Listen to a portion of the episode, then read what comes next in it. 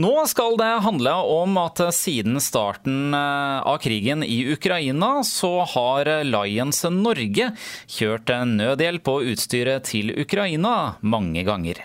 Stefan Trygve Saas eh, og, eh, og, Geir Egil Knutsen i Lions de jobber sammen, og de har kjørt på kryss, kryss og tvers i Ukraina med hjelp til befolkningen og sykehusene. De har nettopp kommet hjem til Norge. Og eh, hit i studio så har jeg fått besøk av eh, Stefan Trygve Saas. Eh, velkommen hit til Radio Øst. Tusen hjertelig takk for det. Det er jo deg og, og, Geir Egil som kjører rundt i Ukraina. Vi skal snakke også om turen deres, men Lions og mange andre organisasjoner, dere sender jo nødhjelp til Ukraina. Hvordan er behovet for nødhjelp i Ukraina nå? Ja, Nødhjelp til Ukraina akkurat for øyeblikket nå er for så vidt stort, men det er ikke behov for mat, for å si det sånn. Eh, det er heller ikke så veldig stort behov for klær, men eh, det er eh, andre ting som f.eks. sanitære ting som er det store behovet for øyeblikket. Hvorfor ønsker Lions å hjelpe til i Ukraina?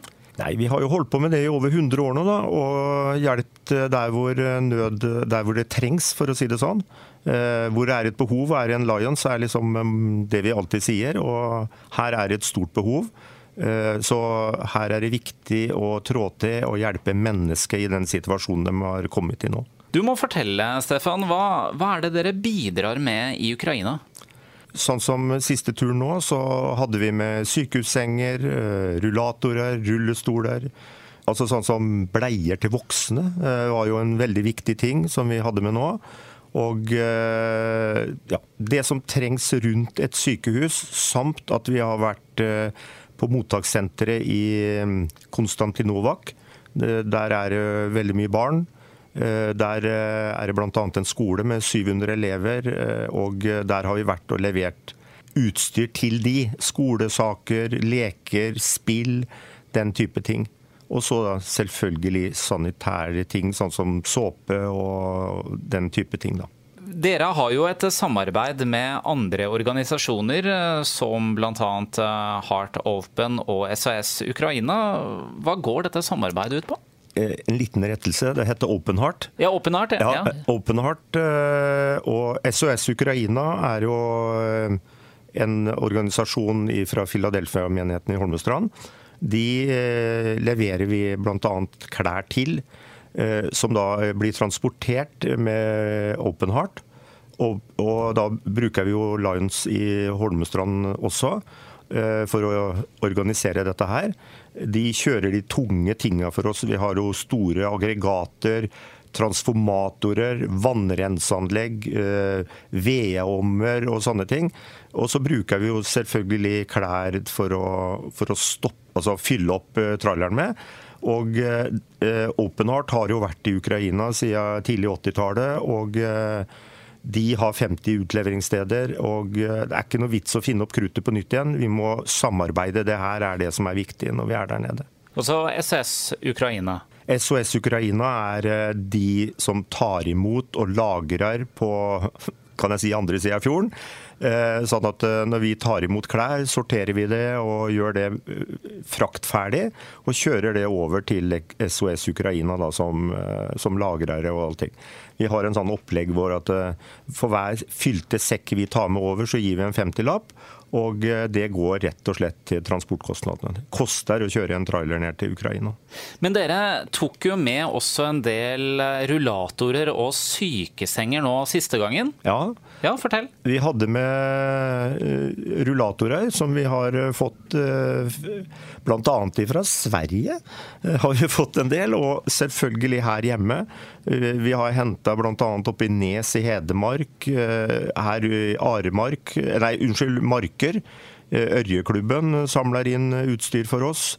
Så det er flere Lions-klubber. Vi er jo et stort nettverk. Vi er jo over, godt over 8000 medlemmer, så vi, vi, er eh, ganske aktive på innsamling. Og det blir en del av. 20 rullatorer, 7 eh, rullestoler, 5 sykehussenger. Det høres kanskje ikke mye ut, men når du ikke har noe, så er litt mye. Vi må snakke litt om turen eh, deg og eh, Geir hadde ned til Ukraina nå eh, sist. Dere reiste ned. Dere pakket først bilen fullt med utstyr og kjørte nedover til Ukraina. Hva slags tanker gjør du deg før avreise? Du, for du har jo gjort dette noen ganger? Ja, vi har jo hatt eh, teamet, eller gruppa, som, eh, som, vi er en del av. da. Vi har jo hatt 24 eh, turer så langt siden konflikten eskalerte. Vi har kjørt seks av de 24 turene. Og vi får jo Det som også er veldig fantastisk, da, vi har jo de ukrainerne som er i, her i nedre Glomma-regionen, hjelper jo til. Og de har vært med og pakka både bil og henger. Eh, du forbereder deg jo mentalt. Du skal jo inn i det vi kaller for rød sone. Og rød sone er jo der hvor ting foregår. Eh, og det er klart det at eh, du må koble ut en del ting i huet for å forberede deg mentalt for å komme inn i den sona der. sånn. Det er mye ting å se som du ikke trenger å se.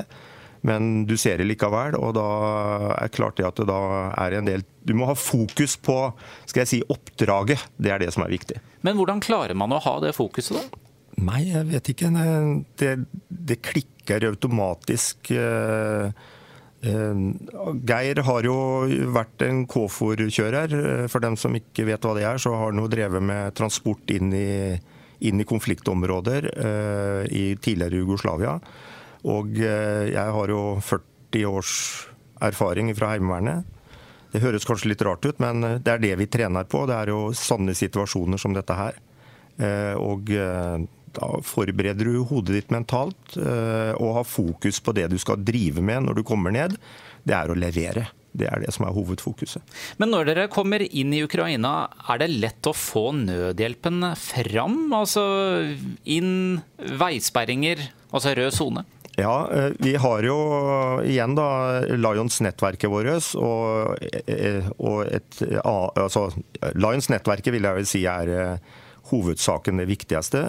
Sånn som nå sist tur, hvor vi var i Karmatorsk, Konstantinovak, som er helt framme. Konstantinovak er jo helt framme ved Bakhmut. Og i Pokrovsk vi, har vi vært og levert. Da har vi kjørt til Kharkiv, eh, og eh, der eh, har vi med skal jeg si, tar med en Lions om bord, som er kjent med han. Og han Alle papirer selvfølgelig er i orden, sånn at de vet hvor vi skal levere hen.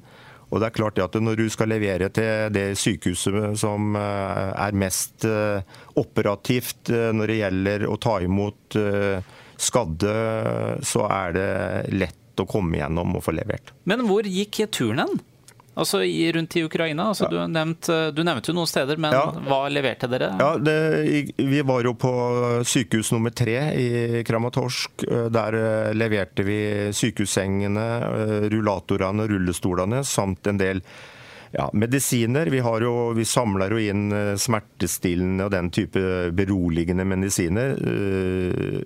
Samler vi inn og har med nedover. Alt er da dokumentert. Sånn, så det er jo lege og farmasøyt som tar imot den eh, type ting som vi har der. Eh, vi har også også en del sånn som bleier og sånne ting. Og så er jo neste tur gikk jo da til Konstantinovak. Der er mottakssenteret og den skolen som jeg snakka om tidligere.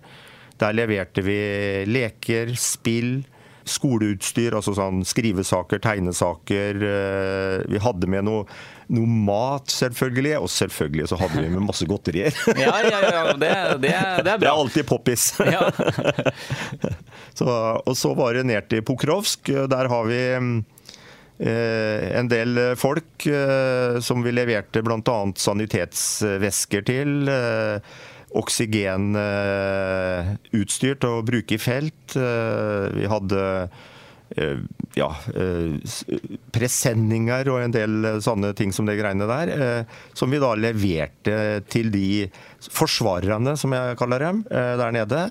Og hadde med noe jaktradioer og sånne ting som det, da. Ja. Mm.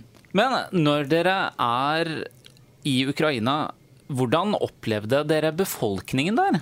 Det er jo det som er så utrolig fantastisk, det er den derre viljen til å til å bare stå på og rydde opp og folk, gjøre er hverdagen. Men er folk redde? Ja. Altså, Virker de redde, eller Ja. lever de veldig vanlige liv selv om krisen er som den er? Det er jo, Hvordan kan du leve vanlig? Vi hadde for ikke så lenge siden en øvelse på varsling eh, her i Norge, og vi, det var en del reaksjoner rundt det.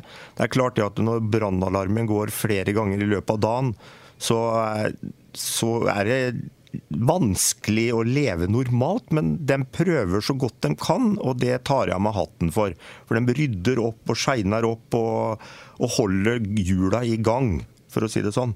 Men har på en måte flyalarmen blitt på en måte en, eh, noe de har vent seg til? Altså den flyalarmen som går igjen og igjen? Ja, det vil jeg vel egentlig si. Litt overraska vi satt eh, vi var, når vi var og leverte nå i Konstantinovak, og når tredje artilleriskudd eh, ble fyrt av, eh, da sier, sier Vitalie til oss, som er Lions-mannen vår, at nå karer, nå er det å komme seg i bilen og komme seg ut av området. Og, for dem svarer jo, for Men å si det sånn. Blei du vekket av eh, flyalarm på natta? Nei, det, det må jeg innrømme at jeg har et vanvittig sovehjerte. Og jeg, jeg, Nei, jeg blir ikke vekka. Men altså, hva på en måte har gitt mest inntrykk på deg etter denne turen? Nei, Det er stå-på-vilje blant ukrainerne. Det er det som gjør det absolutt, absolutt aller største vilje, altså inntrykket. Det er viljen til å å, å forsvare landet sitt, det er eh, vanvittig å se på. Å holde landet operativt selv om den store konflikten foregår. Har dere planer om å reise ned igjen eh, til Ukraina med mer nødhjelp? Ja, det må jeg vel absolutt si. Vi begynte vel å planlegge neste tur allerede før vi hadde passert Svinesund, så da kommer det vel en ny tur igjen nå, tenker jeg, i august. Så blir det vel en ny tur på oss igjen, vel. Det- Så må vi jo si til lytterne at dere kom jo nå hjem i helgen ja, som det- var. Ja, vi kom hjem nå sist lørdag, så vi er i gang med å planlegge neste tur. Er, eh, vi samler inn utstyr, tar bilder av alt det vi har, sender det over til Vitali, og han finner eh, mottaker. Og så kjører vi dit hvor det trengs å bli kjørt. Vi kjører som sagt inn i rød sone og leverer der hvor Vi leverer hands on, dvs. Si til de som skal bruke det, og ikke til et lager. Det er ikke noe vits i. Vi har lager nok her hjemme.